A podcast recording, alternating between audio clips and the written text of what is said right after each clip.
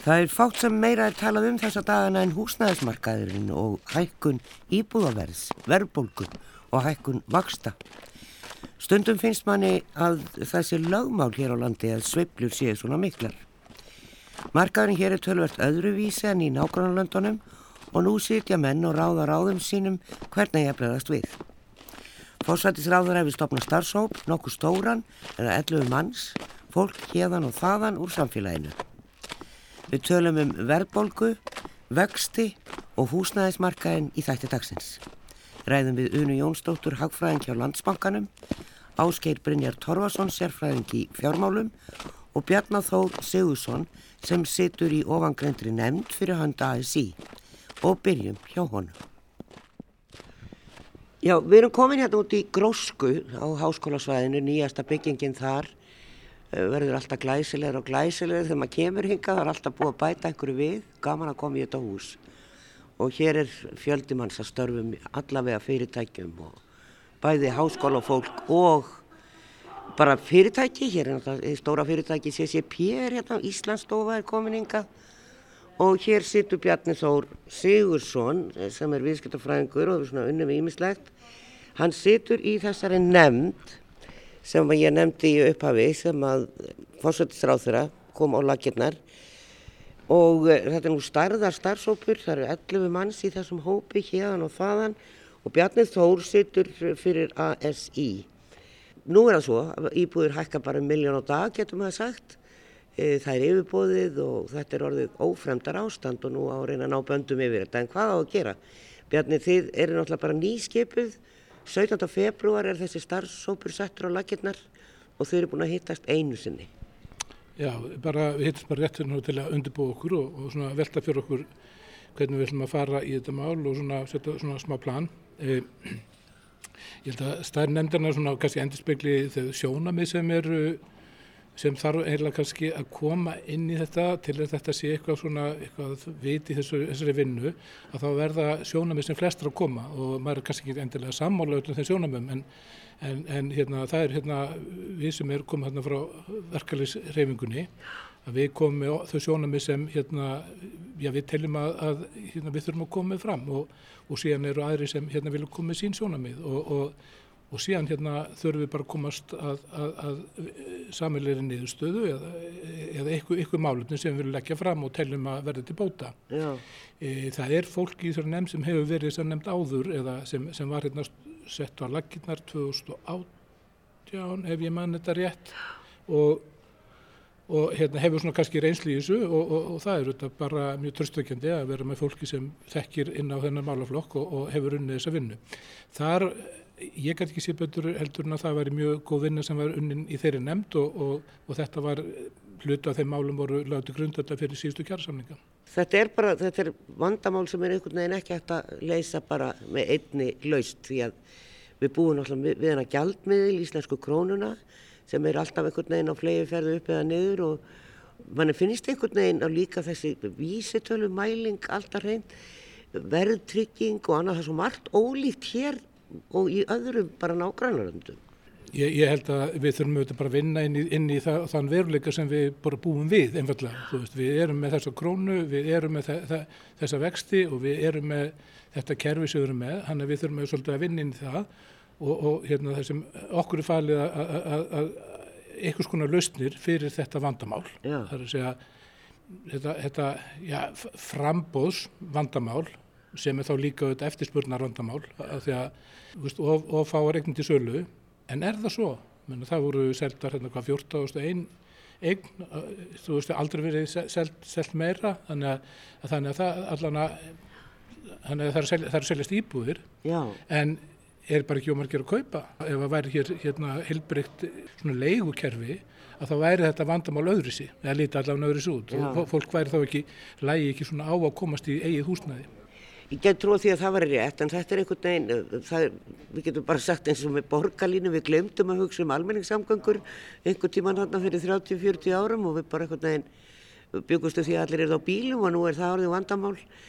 Eh, við höfum alltaf lagt áherslu á að húsnaði væri eh, í enga eigu þess að fólk ætti sína íbúð og glemdum þar með leikumarkanum þannig að það hefur verið prívatæðilega að leiði út þetta er að breytast, nú er verið að plana borgarlínu og nú er verið að byggja leigu íbúðir, verkalýsfélagin tók á skarið og fór á stað og, byggðu, og eru búin að byggja heilmikið. En, en það er ekki nóg, við, þetta er svo sendum rassinn gripið, erum við alltaf e, einhvern veginn á eftir í staðan fyrir að sjá aðeins betur inn í framtíðina hvað mögulega gerist. Ég held að þetta sé bara alveg á rétt lýsingjáður og greining að hérna, eh, ég held að höfum alltaf verið svona talsvölda eftir þegar fólk verið að flytja hérna í stónu stíl hérna til Reykjavíkur hérna, þú veist, á, sent á, á, sko 19. öld og, og inn, inn í þá 20. að það var það viðvarandi vandamál í húsnæðismálum og það þurfti einhvern veginn að leysa það. Og, já, og, og, og það hefur eiginlega engin e, við skulum orða þannig að ég treysti eiginlega engun til þess að gera þetta betur heldur hérna, þetta sé gert af ykkur svona samvinnu grundild eins og kannski í gennum verkefnisefinguna verkamannabústaði kerfið sem var hérna var, hérna, var verið að byrja á, á þriði áratugnum það kemur gegnum sko þú veist Híðin Valdimarsson og ASI eða, og, og, og, og þá, þá flokka sem voru svona nátengdir það verkefnisreifingun á þeim tíma því er ekki heils í dag. Svona öll svona framfara mál fyrir leyendur, það hefur þá komið úr þessum ranni. Og einhvern veginn hefur við treyst ómikið á markaðinu eins og þú segir, við hérna svona sér eigna stefna, allir e þurfa að eiga sitt húsnæði, hún er bara auðvitað viðvarandi hérna, þetta er ekki átt á svona allir mjög í Östuríki eða í Stokkólmi, eh, þú veist þannig að, þannig að það, það er bara, í, í, í bara Östuríki er bara 60% öllu húsnæði hérna, sem fólk býr í er í eigu, er í leiguhúsnæði. Þannig að í, í Stokkólmi eru, eru, eru um 40% öllu leiguhúsnæði er í eigu sko Stokkólmsborgar. Þannig þannig að við höfum aldrei byggt upp svona leigjanda svona leigukerfi eins og, eins og týðkast bara á Norrlandum. En það verður einhvern veginn líka þegar það hefur verið gert að þá er einhvern veginn hægt við og fljókt eins og við getum sagt bara um verkefannabústæðina.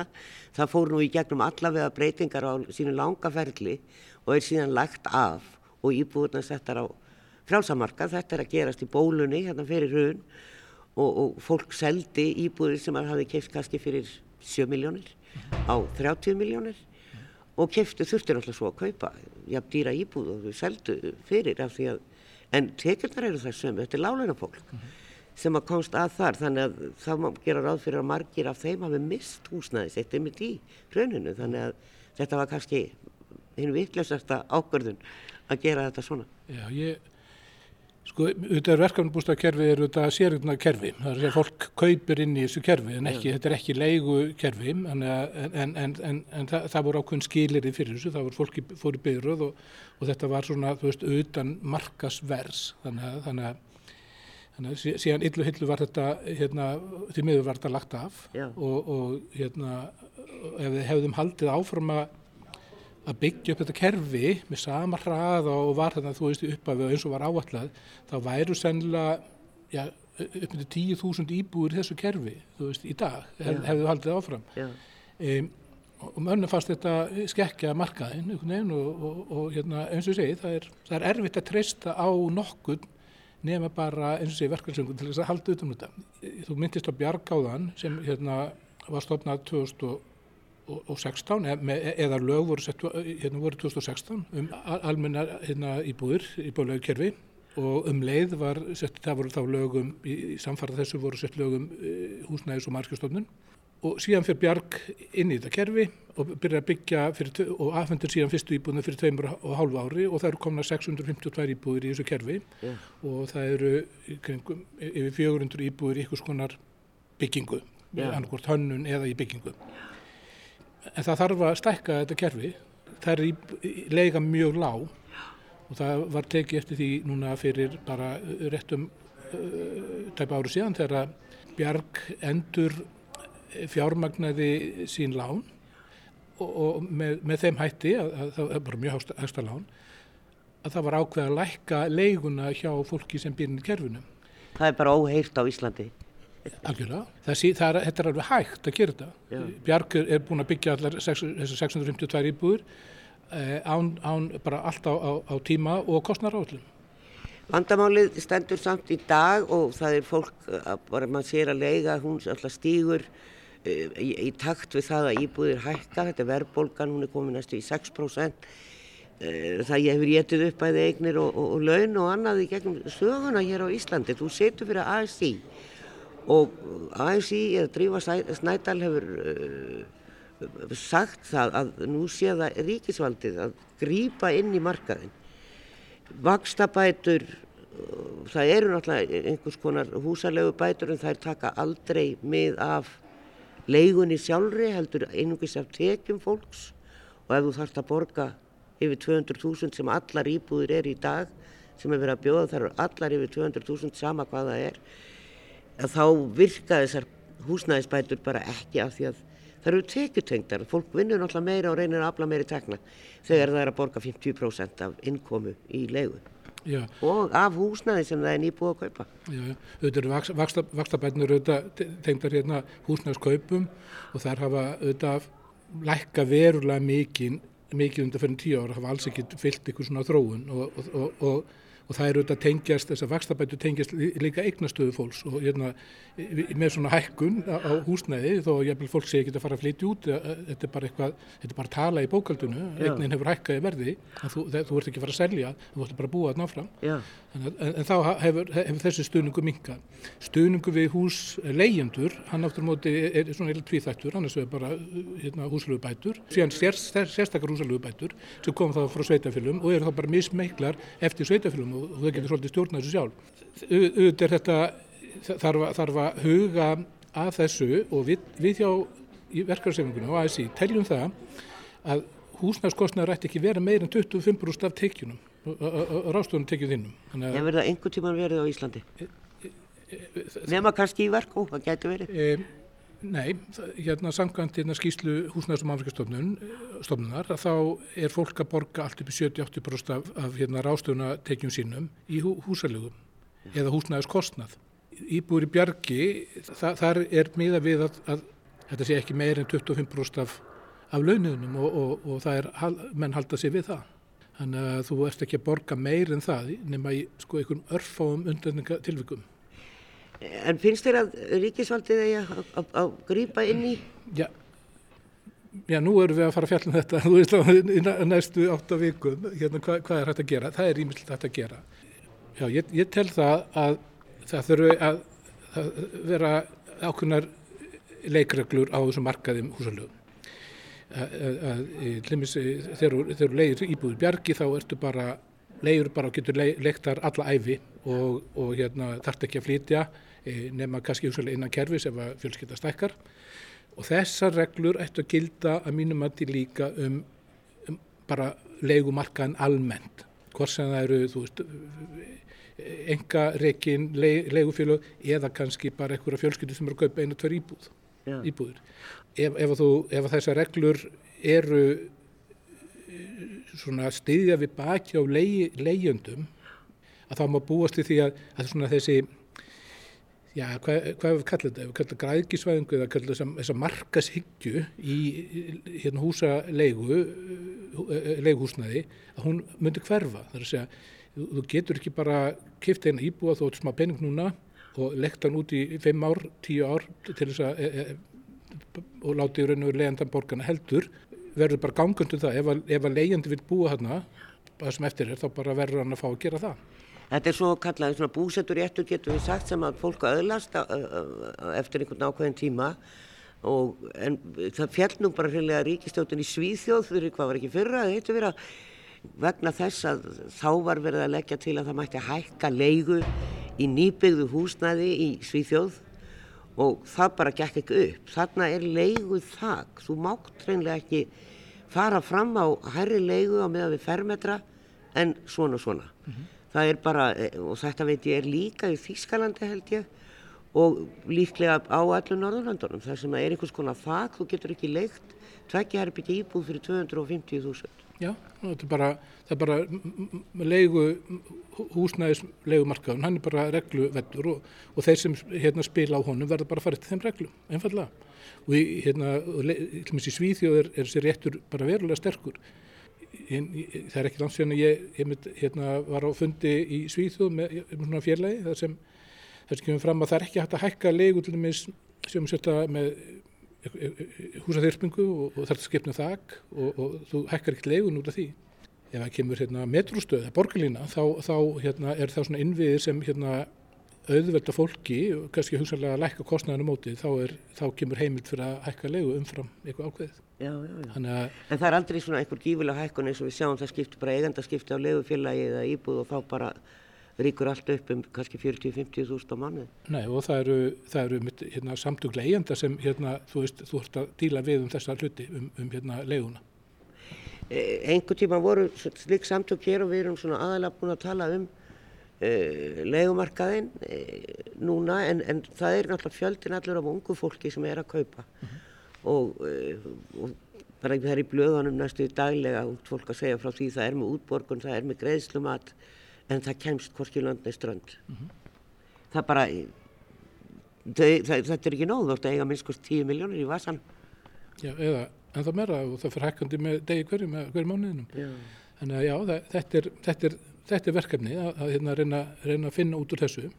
Við höfum talið það að það þurft að vera til svona eitthvað svona langtíma stefna í þessum málum, að, í svona húsnæðismálum, hvort heldur sem er sko sérregni eða, eða leigu. Að, hérna, það þurfa að liggja fyrir ykkur stefna, hvernig á að haga þessu og sem hefur þá síðan áhrif á, á sko frambúðsliðina. Það er þá lóðaframbúð og, og, og, og hérna, vextir og hérna, reglur um hversu mikið eigi fyrir þarf að vera með og svo framvegis. Já. og þar held ég að spila líka stórt hlutverk þar að segja fjöldi leigu íbúða. Það sé svona ákveðin teikni í, í þessu marka það þurfi ekki allir að hlaupa út á, í einu og, og hérna hugsanlega er þetta einhver mistök hérna, sem hafi verið gerð í þessum þessu vakstarlekkuna ferli ég, ætla alls ekki hverta yfir því að það séu of lágur vextir í Íslandi, alls ekki síðu sé. Sérregnarspartnar og annað sem kom til til að hjálpa þau ungu fólki að eignast íbúð. Já og, og, og það skriðu margir út frá heimilum fóraldra og gerðu það. Ja. og ábyggilega miklu fleiri en, en, en var gert ráð fyrir hvað, hvaða voru margir sem að voru bara búandi aftur hjá mamma og pappa mm -hmm. en, en komist út og hérna en hvað gerist ef þetta heldur áfram svona í lokin? Ef að þessi rosalega bylgja heldur áfram já þá hvernig endar það? Hvað, það hlýtur eitthvað að springa bara svona bóla? Ég held það að ef, að við, ef að það er rétt sem, sem kemur fram að það, það, það kom hérna cirka bát 30.000 hérna, manns frá útlandum til að vinna hérna íslenska hagkjörunu hérna á næsta árum eins og það, er spáð.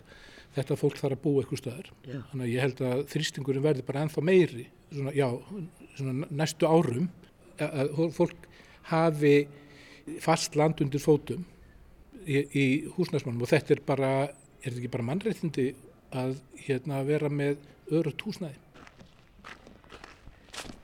Saði Bjarni Þó Sigursson og við leggjum í hann eða í bæ til að hitta Ásker Brynjar Torfarsson. Já, þá erum við mætt aftur hér í stúdíu á Mál og menningu og getum við svo sem sagt hér á flakkinu. Nú kom okkur svolítið oft fyrir hér í þáttunum. En það bara fýnt að koma hér inn og mikið plás og, og, og svona róleg stemming hér inn í Mál og menningu. Frábært kaffehús og músikstæðir á öðrum tímum.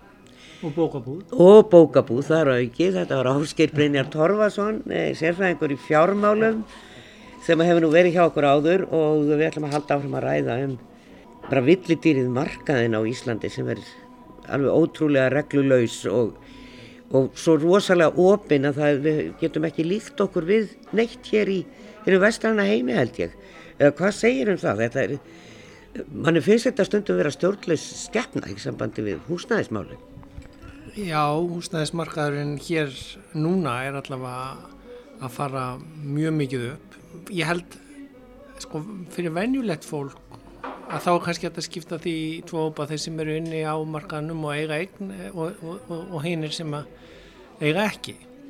Og þeir sem eiga húsegn geta þá bara glaðst yfir að það sem þeir eiga er búið að hækka núni verði þó að fólk kannski skilja ekkert almenlega endla af hverju eignin að hækka því en fólkið hitt sem er ekki inni á eh, inn, inni í húsnæðinu á ekki í húsnæði að það er náttúrulega kannski að reyna að komast þar inn og langar þá að eignast og, mm. og það er bara í meir og meiri vanda við þá að sapna upp í útborgunina til að komast með í, í fjörið Já, eða komast ja. með í hækkunina. Og svo getur maður sagt kannski þriði hópurinn að fólk gerur síðan hagfræðingarnir sem líta bara svo á að þetta sé og sko beðlegt svona sé nú bara markaðurinn og, og kerfin og, og þegar ég tala við hagfræðingarna þá finnst þeim það bara mjög, mjög skiljanlegt að eignin þeirra hafi, hafi aukist um einhverjar miljónir bara ja. síðan í fyrra að hitti fyrra og, og þá já, spyr ég hvað hefur þú gert til þess að húsið þitt hafi aukist svona í verði. En þá er það bara held ég trúin þar á baku, já markaðurinn hérna færiði mér þetta. Hinn frjálsi markaður þannig, þannig að ég á rétt á þessu segir hagfræðingurinn ég tengi það oft við svona, við fjármálarhraunið hinn ofur frjálsa markað og síðan sérstaklega þá núna í kófinu síðustu tvö ár að þá affjúpast ímis uh, svona vandi í kerfunum og í markaðanum þar að segja Eh, hinn hin frjálsi markaður þurfti nú heldur betur á aðstóð hins ofinbera halda þegar það var hægt á hagkerfinu og, og, og ríkisjóðunir um allan heim þurfti að koma til hjálpar en við vorum búin að sjá það alveg á fjármálamörkuðunum frá því stuttu eftir fjármálarhraun að seglabankar heimsins þurftu að koma fjármálamörkunum til hjálpar og þá fara þeir markaðir upp, hlutabrif og þess að út af stuðningnum sem kemur mm. uh, það sem að gerist síðan hér á síðustu tveimur árum er að við vorum kannski með tölvert herri vexti alltaf uh, en löndin í kringum okkur þó við séum komin inn á öðruska efnaðarsvæðið og sá munur helst alveg þó að allir vextir hafi lækkað eftir fjármálarun að þá voru samt 4-5% vextin hér voru bara miklu herri vextir heldur en 0 til 1 eða 2% vextin úti þannig að það voru kannski 5-falt eða 10-falt herri e, stýrivextin hérna líka eftir hún. Síðan yeah. gerist það í fjár, í, í, þegar COVID-kreppan kemur að þá lækka okkar vextir í raun og veru niður í til samræmis við mm, allan eh, öll, öll hinlöndin. Svo kemur COVID og þá, þá hérna eh, eru allir koninni 0 aftur. Eða við fórum reyndar niður fyrir eitt bara niður í 0,75 eh, sem er nú samt þrisa sinnum herra en 0,25 sem einhverjir aðrir voru kannski með hinn í Breitlandi eða annar stað en, en síðan eru við, hann er við vorum einna síðust í að lækka vextina hjá okkur. Eh, en, en svo erum við einna fyrst í að hækka þá aftur. Nún erum við konið upp í 2,75 meðan að önnurlönd er að tala um að hækka sér úr 0,25 upp í 0,5 eða um, 0,75 þannig að við erum alveg um, kannski 5 sinum herri eða, um, og meiri sé að Svíþjóð ætlar að hafa nullvextin alveg til 2024 með að það séast. Breitlandi kom upp í 0,25 mjög mikil umræð hvort að bandaríkinn og Evrópa seljabankunum þarf að fara að hækka. En, en, en til að tengja það við húsnæðismáluna það sem að gerist þegar seljabankavextinni hér lækka og allir vextinni þar með að húsnæðislánunum lækka fyrir tveimur árum að þá er það bara bein afleðing að, að húsnæðisverðið hækkar. Aðgerðir hins ofinbera eða seljabankana hafa áhrif á markaðin ég held að það sé nú alveg orðið svona samhljómur um það að þess, þessi hækkun húsnæðisverð hér er að stórum hluta til komin undanfærin tvö ár vegna lækkanana á vöxtónum en auðvitað spilar inn í Um, frambóði líka uh, kaupmáttar aukningin spilar inn í líka uh, kjarabætuna sem komu kjara en síðan líka bara breytingar á reglum á markanum, það komu stuðningur við fyrstu kaupendur, þá eru allt í nú flerri sem eru að fara að koma inn á markaðan að kaupa. Uh, og, og uh, kannski margi sem flúðu heim til foreldrana eftir, eftir uh, fjármálarhraun eða eftir uh, vá fyrir hausinn eru síðan komin aftur með vinnu og fara þá aftur að vilja flytja að heimann og komast út á markaðin þannig að þá kemur meiri eftirspurnin á markaðin í viðbútt við síðan að við erum að fá e, útlenska vinnuaflið aftur til landsins sem kannski kvarf svolítið í, í, á þessum tveimur árum þegar ferðarþjónustan kvarf. En, en það fólk er alltaf mest inn á leikumarkaði það er ekki þetta fólk sem er að koma hér og vinna er ekki að kaupa sér húsnæði nefnum alltaf að setjast hér aðsó sem er kannski einhverjir þetta fólk fyrir inn á leikumarkaðin og Já. það er svo sem við erum búin að vera að ræða það Jó Bjarni Þóru það er, það er, það er bara eigur pressuna þar. Þar, já, já. Og, og Airbnb spila þar inn líka á ferðamenn. Þannig að þe- þessir, þessir svona markaðir hangar rosalega saman. En það er, það er annars vegar fjármaksmarkaðurinn og kostnæðurinn við fjármagni og síðan húsnæðismarkaðurinn og síðan þá þessi tvískipting á húsnæðismarkaðurinn það sem er í leigu uh, sem getur skipst á milli langtímalegu og, og ferðamannalegu og, og síðan það sem er, er til sölu til, til, til eignar og hver margir vilja komast þar. Þannig að, að núna er búið að hækka vextina og, og síðan þá fer að hækka afborgarnar af lánunum. Í viðbútt við að verðbólgan er komin sem að hækkar þá uh, verðtriðu lánin og, og leigu sem er verðtrið Já. Þann, þannig að sko þe- þetta eh, þrengir mjög að þeim sem vilja komast inn á annan Þegar bara í síðustu viku sagði Sigurður Ingi þessi vísitala sem við mælum hverju mánuði og og sjáum hvernig allt hækkar að húsnaðist liðurinn sé í rauninni að, já, að skekja þessa vístölumyndun og það er svo sem búið að nefna það nokkur svona myndafarið að, að taka húsnaðisliðin út úr þessari vístölu. Hva, hvað segir um það? Já, sko, það er uh, flægt umræða. Það, uh, það var lagt til í, í skýslu sem ég held að núverandi selmokastjóri hafi tekið þátt í að skrifa um að taka húsnæðisliðin út. Uh, en, en, uh, en það verður þá koma leiguliður inn í staðin. Þannig að þetta, þetta snýst eiginlega um hvort að eignaverðshækkunin eigi að koma inn eða eða leiguverð. Eh, og sko erlendis eru leigusamningar og íbúðhúsna ekkert endilega verðtriðir og þar eru oft reglugerðar ákvæði um uh, hvað leiga megi hækka mikið í mismunandi eftir mismunandi löndum en, en, en þarna eru uh, svona miklu starri og virkari leigumarkaðir sem að þar með búa til eh, svona, eð, hvað þú segja, eðlilegt verð á leigunni sem er þinn mánaðarlegi kostnaður við að neyta vörunar húsnæðis eins og Já. neyta vörunar matvæla sem er þetta tvent sem flest venlögt fólk eigðir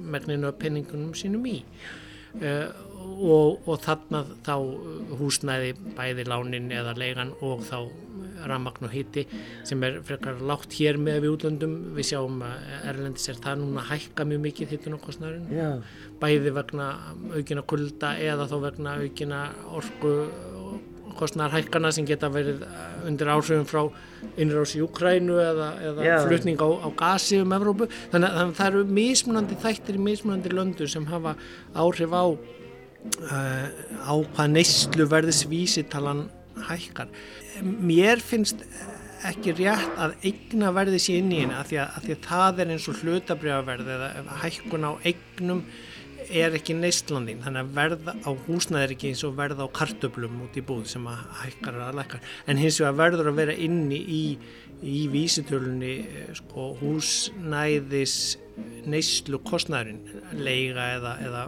það sem það kostar þig að búa í húsnæðinu.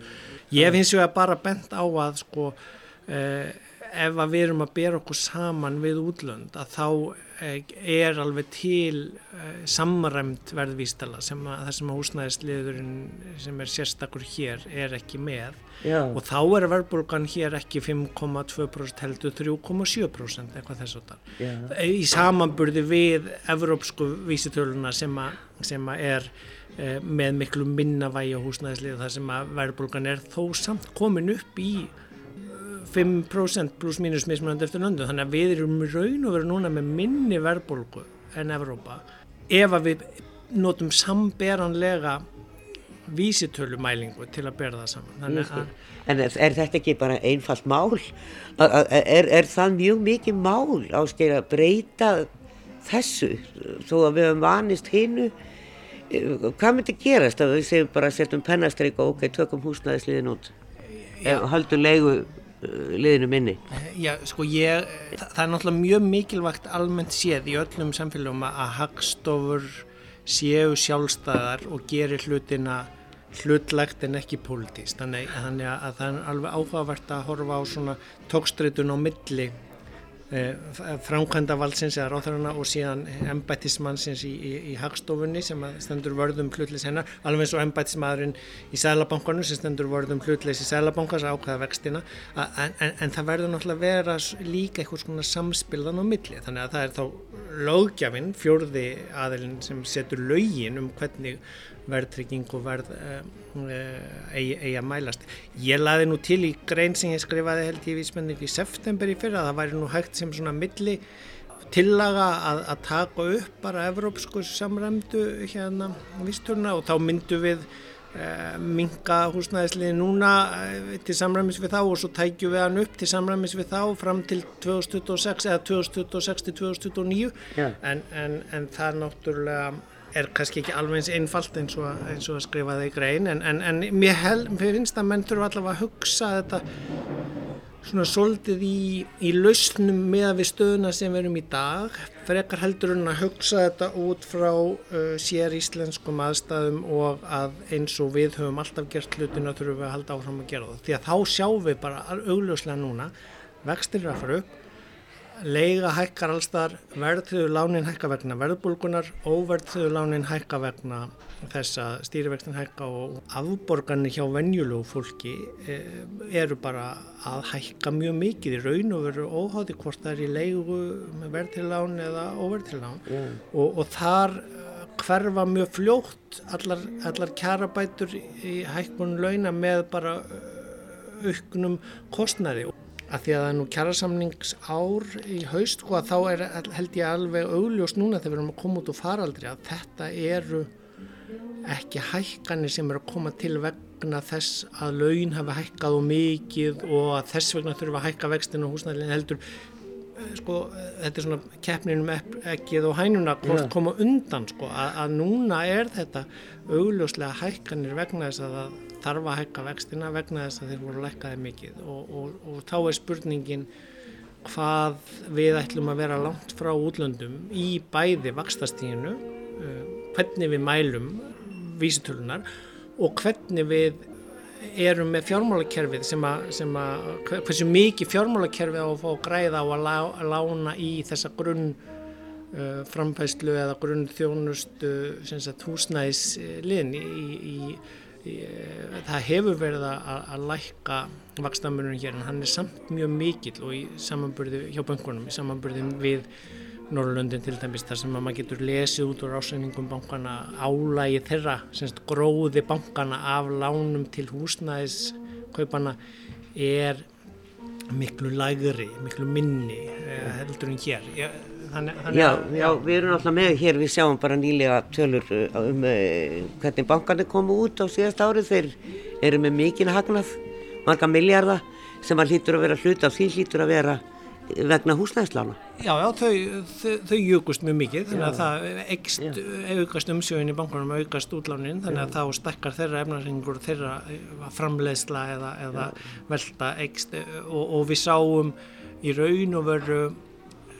ef maður talar um út frá kjarabótum fyrir neytendur að fá ræð lán það kom í raun og veru bara til þegar lífeyrissjóðinir kom inn á hennar markað að fóra að bjóða húsnæðislán og þá íta eh, álagninguna þess niður, lækka vextina og þannig að það kom í raun og veru virk samkefni sem var kannski ekkit sérstaklega virk á milli svona þryggja stóru bankana sem voru að markaðum, það verður alltaf freka þægilegt svona í fákefninni en ef, ef að þetta næra þrýsta niður sko álagninguna á þetta þá, þá eh, ætti það að geta svona í samhengi við hæfilega kjærasamninga og hæfilegar stýrivaksta hækkanir í framhaldinu eh, þá ætti að vera kannski að tempra þennan, þennan marka sem er orðin svolítið svona svolítið, svolítið viltur en, en það er mjög mikilvægt að muna að húsnæðismarkað er ekki eins og hver annar markaður. Og það hefur verið kannski svolítið erfitt að útskýra fyrir hagfrænguna sem vilja nota markaðs líkan sitt á allt samankvort að er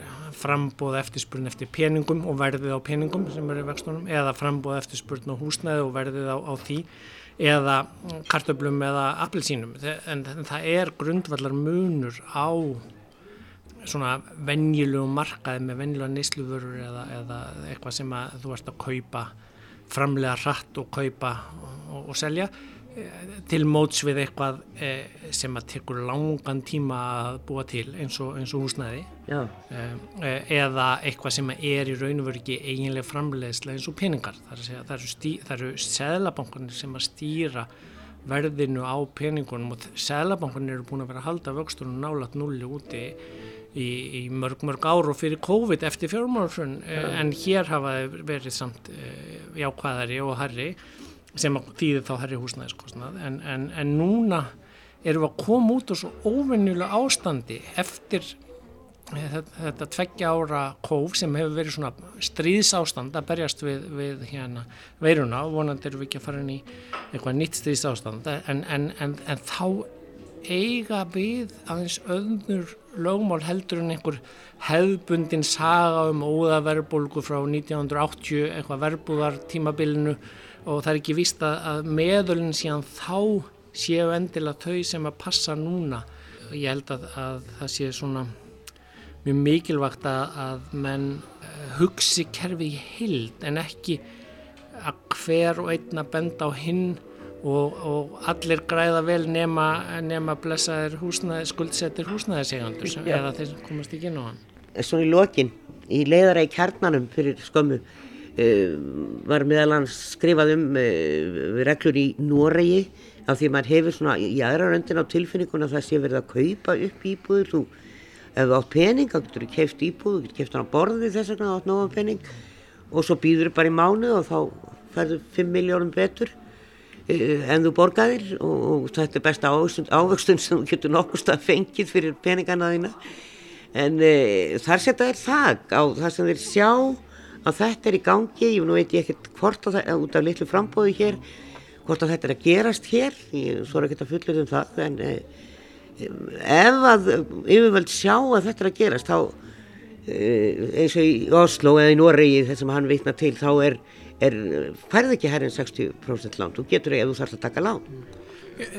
Já og, og þetta er nú kannski þessi þjóðhagsvarða tæki sem að Sælbankanir úti byrjuði að nota 2015-16 eh, það er eitt sem hægt er að gera grýpa svona meira drastískara inn á, inn á markaðin við erum kannski það, það, er, það er svolítið erfitt að bera okkur sama við hinlöndir að því hér er allt í raun og veru meira frjálsara. og minna leigumarkaðar eh, minni stærð á leigumarkaðum og, og, og minna af leiguýbúðum í eigu og hins ofinberðað óhagnadrifin aðla þannig að það, það, hann, hann er svona frjálsari og þar með viltari og, og þá þarf kannski einhvers konar meira hugrekki þar að auki til að þá ætla sér að þóra að grýpa inn í hann eða inn á hann. En þarna kemur aftur sko vandin við, við að, að trúa á að, að hann blessaði markaðurinn gefi þér rétta verð. Og, og þá held ég að sé mjög mikilvægt til að nýta þetta í lokin uh, við sko munin á verði á eign sem er einhvað svona stort eins og húsnæði uh, sem er á efnarseiningi, það er stöðustarð sem, sem, sem, það er einhver hlutur sem að hérna Eh, er, er til langvarandi eh, eins og húsnæði 50 ára allavega og í 100 ár. Að, að það er á efnarsreiningi sem er stöðustarinn það sem eru eignir og skuldir sem er allt annar hlutur í bókaldinu heldur en, heldur en flæðistærðin sem er á rekstrareikningum það sem eru tekjurnar og gjöldin það sem að flæðir stöðut í gegn og það er, er hérna e, mánalega áborgunni hvort sem að hún er afborguna verðtríður láni eða óverðtríður láni eða, eða bara leiga. E, að, að, að það er í raun og veru það sem skiptir alltaf venjulegt fólk miklu meira lá, máli. Hvað er mikill hluti af tekjunum að fara í húsnæðiskostnaðin í heild? Hvað er tekjurnar að hækka og þá útgjöldin að hækka? Og samræmi þar á milli. E, stöðustærðin á hvort að verðmæti húsinsnins sé búið að hækka núna um miljón frá því fyrra eða frá því síðasta mánu breytir engum hvernig þú ætlar að lifa af til næstu, næsta mánadar yfir næstu mánadamót ef að þú, ef að þú átt ekki fyrir hækkuninni á e, e, leigugreislunni eða, eða leigunni á penningnum sem er, sem er lánagreislan e, og, og, og þetta held ég að, að sé svolítið svona grundvallar munur sem er kannski erfitt fyrir hagfræðinga sérstaklega ef þeir eru skuldlausir eða með lítið á skuldum á sinni eign e, að skilja. Að því að, að, að venjulega fólki skilur þetta mjög vel og, og skilur raun og veru ekki hvernig húsi sem er eins og húsi í fyrra eða, eða í hitti fyrra e, sé allt í norðið x mörgum miljónum verðmætara eða dýrara ja. það kannski hækkar í virði eða þú málar það eða heldur í við þú átt að ja. nota svona 1-2% af verðmættin í viðhald á ári og þú getur kannski fresta því einhver erfið ári í nokkun tíma en þá kemur starri reikningur þegar þú þarfst að skiptum glukka eða skiptum þak en, en, en í heldina svona að, að þá er þetta í raun og veru miklu heilbriðari margar þar sem er hæg og róleg hækkun til samræmis við bara vöxt samfélagsins og, og, og svona einhvers konar eðlega verðbólgu hvort sem að það sé 1 eða 2 eða 3% en, en, en, en þessar stóru sveiblur eru rosalega vondar fyrir eiginlega alla eh, nema, nema þá sem eiga nógan penning og geta greitt á því Við kveðjum Ásker Brynjar Torfarsson, fjármál og sérfræðing og bjóðum næsta gest velkomin. Já, enn sittum við hér í stúdíu á Mál og menningu og komin ír gæstur og það er uh, Una Jónsdóttir. Hún uh, starfar hjá landsbankanum, hagfræðingur, vinnir á hagfræðadeildinu þar og þar er nú reynd í tölur og, sem koma hérna og þaðan og meðal hans frá þjóðskrá. Og fyrirsakna síðasta posti sem að var gefið nú 22. februar uh, segir í engangi mikill fjöldi íbúða bættist við húsnæðistofn höfuborgarsvæðisins í fyrra og fjölgar íbúðum í byggingu.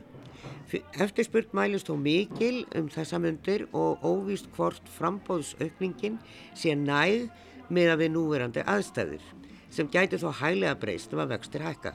Það snýst allt um þess að blessuði vexti virðist vera unna en við erum búin að vera að heyra sko bara í fréttum og lesa í blöðum og annað hvað eftir annað núna undanfærin mánuð, tvo mögulega að, eh, að það sé skortur á íbúð. Fólk get ekki og svo náttúrulega hækkar og hækkar og hækkar og, og svona veljuðu maður hefur 5 miljónar sem áttir það dög ekki til e, til þess að komast yfir húsnaði því að það er bara búið hærra og hærra. En skortur er það sem er sagt, þó -hmm. finnst manni eins og sé verið að byggja stór hverfi hér og þar. Er, það er sem sagt íbúð í byggingu fjölgar á höfuborgarsvæðinu mhm. en fullir til Já, við sjáum það að það eru fleiri íbúðir í byggingu eða vorum síðustu áramót heldur en áramótin þar áður sem er uh, mjög ánægilegt því eins og þú segir þá er mjög mikil spenna á markaði. Um, en þessi spenna er fyrst og fremst rifin áfram að verulega aukin eftirspurn. Og, og þessi eftirspurn eftir íbúðum uh, er í rauninni tilkomin vegna uh, faraldursins og uh, þessi, þessi faraldur og, og kreppan sem að, sem að var til í kjölfari er svolítið uh, sérstök. Uh, þetta er í rauninni hérna kreppa sem var búin til af, af stjórnvöldum sem að meinu fólki að fara út og eigða peningum bara til að koma, koma í vekk fyrir hérna samgang og smitt og það gerði það verkum að sparnar jógst hjá mjög mörgum allavega hjá þeim sem að heldu vinnunni og við sjáum það að, innistæður heimila á, á bankareikningum hafa bara aukist núna frá því að faraldurinn skalla á Alltaf þetta hefur gert það verkum, ég meina svo færi, voru færi utalarsferðir og þess aftar það gerð það verkum að eftirspurning jóks mjög mikið eftir húsnæði. Fólk hafi bara einfallega meira millir handana heldur náður til þess að fara út í, í fasteinum kaup. Við sjáum hátt hlutfall eh, fyrstu kaupmönda að vera inn á markaðin. Um, þannig að, já, og, og svo náttúrulega í ofnálaga þá lækkuðu vextir. Vextir lækkuðu talsvært sem viðbrað við, uh, við faraldrinum og, og það hérna hafði þessar afleggingar fyrir með sér. Eftirspurning jóks mjög mikið og núna er við svona svona að vinna okkur smá saman upp úr þessu ástandi. Faraldurinn fer svona bráðum að líðundi lok eða það er að segja takmarkarinnar allavega og, og þá fer, fer kannski hérna fjárfestingakostum eða möguleikum að, og neyslu möguleikum að, að fjölga. Áherslan verði ekki svona mikil á, á fastegnamarkaðin og svona líka muni vextir hækka. Þannig að áðurinn í kemur frambóðinu þá já, við teljum líklegt, það er rétt að orða þannig, teljum líklegt að eftirspurnin muni eitthvað dragast saman uh, sem að er, mingar þá spennuna á, á fastegnumarkaði en á samanskapi þá þarf við þetta að tryggja frambúðið mm. því, að, því að frambúð á íbúðum þarf að mæta þetta bara mannfjölda þróun Uh, nú sjáum við það eftir því sem að atvinnuvegi landsins detta aftur í, í, í, í gang og, og ferðarþjónustan verður fyrirferða meiri heldur en var hérna þegar faraldurinn stóð sem hæst. Þá, þá flytur mikið fólk hinga til lands til að vinna og það þarf náttúrulega að sjálfsögðu að auðvitað skapar það þrýsting á húsnæðismarka það þarf að, að tryggja það að til staðar séu íbúðir sem eru við hæfi fyrir þá sem að koma hinga til að vinna þá mögulega að það sé fjölbreyttari leikumarkaður Já. og þess áttar Já, já, það er náttúrulega, en það er náttúrulega ekkert verið að byggja neitt óæðilega mikið undir hattinum leigumarkaður, það er eiginlega, það eru verkalýsfélagin að gera undir bjargi og, og, og, og svo eru kannski einhverjar íbúðir í, til leigu í þessum nýri blokkum sem eru verið að byggja, en þetta er ákvæmlega dýrt og við vitum að, að ferðarbransin er ekki hálauna uh, atvinni, að er, þetta er frekar lálauna fólk sem að lendir þarna Þannig að þetta er, þetta er svolítið catch-22, sko, hvar á, þá er þetta fólk að leia jafnvel ólálegt húsnaði. Þannig að, já, ég veit ekki hvernig lögum við þetta, þessa skekkju. Já, ég held að þetta sé eitthvað sem að stjórnvöld og verkefliðsfjölu hafa átt að segja á og, og það var nú hérna áttak sem fór á stað minni með 2016 sem var svona uppbygging á, á leiguýbúðum fyrir uh, teki og eigna minni leyendur og það þarf alltaf bara að styðja vel við þetta kerfi núna þegar að, að við sjáum fólk flytja hinga til lands í auknum mæli. Við sáum það að staðan róar svolítið á leikumarkaði þegar faldurinn skalla á af því að það, það voru færri íbúður sem fóru undir Airbnb og, og, og bara mynda að minna af, af fólki sem flytti hinga svona til, til, til að starfa en það er alveg viðbúið þrýstingur naukist að nýju. Já. Ég manni þetta nú í hug líka því að þú varst að tala um sko, þessa skrítnu kreppu út af, út af faraldri sem eru öðru í send til dæmis kannski eftir hrun. Vakstalækkunin hjá Sælabanka sem að gera það verkum að það streymir út ungt fólk sem er búin að sapna sér kannski 2-3 miljónum, svo koma mamma og pappi og hjálpa pínu og það fólk komst allt í hennu til að kaupa sér íbú og, og síðan bara einhvern veginn klárast þetta. Sjálfsagt mjög gott að reyna að koma ungu fólki út af heimili fóraldra sinna en þá búum við líka til þessar sveiflur. Í rauninni eftir um mannskap, mannskapurinn í sælabankanum og þeir sem stjórna þeir, þeir ráða, þeir búa til þessa bylgu þannig að miklu meiri eftirspurt heldur en er frambóð mm -hmm. Já, já, ég meina þetta þetta brást svolítið hrætt á og, og þá sömulegði sjáum við núna vexti byrja að hækka Já. að nýju. Þannig að það er kannski vonandi til þess að svona aðeins dempa þessa uh, miklu eftirspurn sem að var til þarna uh, og við, við erum ekki ennþá alveg farin að sjá íbúðmarkaðin róast eins og mikið og við hefum uh, svona gerðum kannski ráð fyrir. Það verðist verið eitthvað býð eftir því að þessar aðgerðir fari að, að virka. En, en maður spyrði bara sem að hagfræðing og svara og getur verið landsbankan en hérna sko maður er svolítið ótagslegin yfir því hvernig, hvernig endar þetta? Þetta bara einhvern veginn ríkur upp? Og ég hugsa að séu margir með ágjör af því og margir segja öruglega sjúkitt gott við keiftum í eittu fyrra eða gott við keiftum í fyrra. En, en standa ekki fram fyrir því núna að ætla að kaupa. Hva, hvað getur svona bóla hvað getur gerst? Ég meina að þetta bara heldur áfram. Já, ég held að það komi bara að eitthvað skonar þólmörkum sko þetta er náttúrulega hvað fólk getur borga fyrir íbú fyrir eftir, eftir bara greiðslu getu fyrir eftir, fyrir eftir launum í landum fyrir eftir, fyrir eftir vöxtum og, og þess áttar og þetta er ekki fyrsta sinn sem að við sjáum svona snarpar verðhækkanir. Það, það var síðast bara hérna 2016-17 og þá bara gerðist það að við duttum bara í aðeins róleiri takt. Hækkanar eruðu bara, minn íbúðaverð hættir ekkert að hækka, heldur alveg áfram að hækka en bara ekki með alveg sama hraða. Já. og það er alveg líklegt að það gerist líka núna þetta, þetta gengur einhvern veginn alltaf yfir í bylgjum. Og, og það er svona, ég meina það eru allir meðvitaðar um þetta, það, það vita allir að það þarf að byggja íbúðir.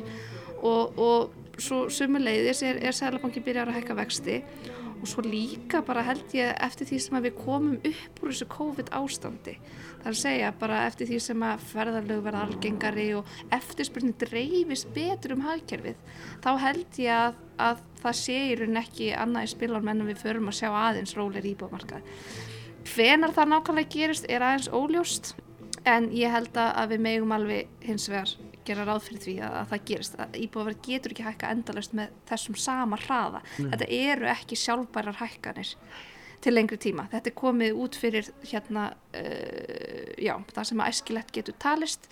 En, en að því sögðu þá erum við ekki að spá ykkur um lækkunum heldur bara svona aðeins hóflegri hækkunum.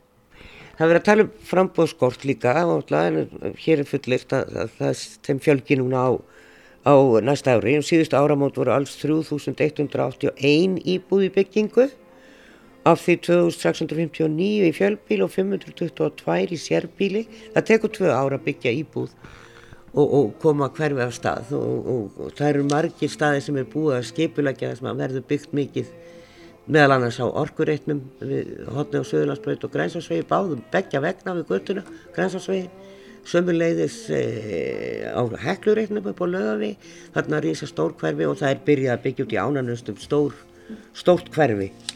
Þannig að það er að koma fylgt af íbúðum e, en ef, ef að verðið helst svona segjum bara næsta árið þá fer maður að vera uggand um hver, hver kaupir þetta húsnæði. Og okkur fannst nú allt mjög dýrt þegar hafnatorkið var byggt, ég veit ekki hvort það er flutt inn í, í allt þar en allavega mjög mikið. Þannig að þær virðast þó seljast þessar íbúðir sem að takja herbyggja 100 fermetra íbúð á, á 70 miljónir Já, sko áður en vextir fóru að lækka þar að segja hérna kannski lóka ást 2019, 2020 áður en faraldum skall á þá var svolítið af nýjum íbúðum sem stóðu óseldar. Svo lækkuðu vextir og þá, þá einhvern veginn jógst kaupgetan um, þannig að en af því, af því svo sannlega nýjar íbúður eru dýrari. Þær eru dýrar en þær sem að fyrir eru og þá þarf að sjálfsögðu að hafa þetta í huga að, að byggja í takt við, við greiðslu getur fólks og kannski sérstaklega að vera byggin í þörf, í þörf sem að miðar út frá mannfjöldathróun. Þá þurfum við átt á því hvernig er mannfjöldathróunin uppbyggð hér á landi. Þetta er lang mest, eh, mestu leiti hérna, erlendi ríkisborgar sem flyttir hingað til lands til að vinna. Það fólk er að líkindum ekki að fara að kaupa nýja dýra íbúð Nei. en að sjálfsögur verða náttúrulega alltaf einhver keðju áhrif ef, ef að það er einhver sem flytur inn í nýja íbúð þá losnar önnur og svo framvegis þannig að nýjar íbúður eru sjálfsög að finna góða sérstaklega þegar ástandið er eins og það er í dag. En það þarf að huga að, að eh, fjölbreytni og þetta sé í takt við greiðslu getur fólks. En af því að telja upp hérna byggingareiti þá sjáum við líka að það er mjög mikið byggingu bara hérna nágrann sveitafélagin í kringum höfuborgarsvæði mjög mikið á Suðurlandi sjáum við um, Árborg og eins hérna á Vesturlandi sjáum við Akarnes og Suðunis þar hefur verið mikið byggt svona síðustu ár og virðist vera hérna nokkuð mikið í pípunum einni núna og, og með aukinni auknum möguleikum á fjárvinnu þá eru kannski margir sem að kjósa að búa frekar á þessum stöðum. E, við sjáum líka spennan er langmest sem er svolítið aðteglisvert við þessa uppsæfla á íbúðmarka, hún er langmest að markaði fyrir sérbíli og þetta er að líkjumdum aflegging af faraldrinum. Fólk vildi hafa meira plássæknin í kringum sig, verða með heimaskrifstofu og þess áttar og sérbíli eru frekar fátíð í byggingu hérna á höfuborgarsæðinu en ég held að sé að kringum 16% af, af íbúðum sem er í byggingu núna eru sérbíli á, á höfuborgarsæðinu en, en hlutfallið er í kringum er já, allavega 50% á, á hérna landsbygðinni. Saði Una Jónsdóttir Hákfræðingur hjá Landsbankanum. Við erum líklega engunærum hvernig ber að leysa þessa flækju húsnæðismarkaðarins en vonum að góðlausn og regluverk verður til lausnar á flækjunni. Verðið sæl að sinni.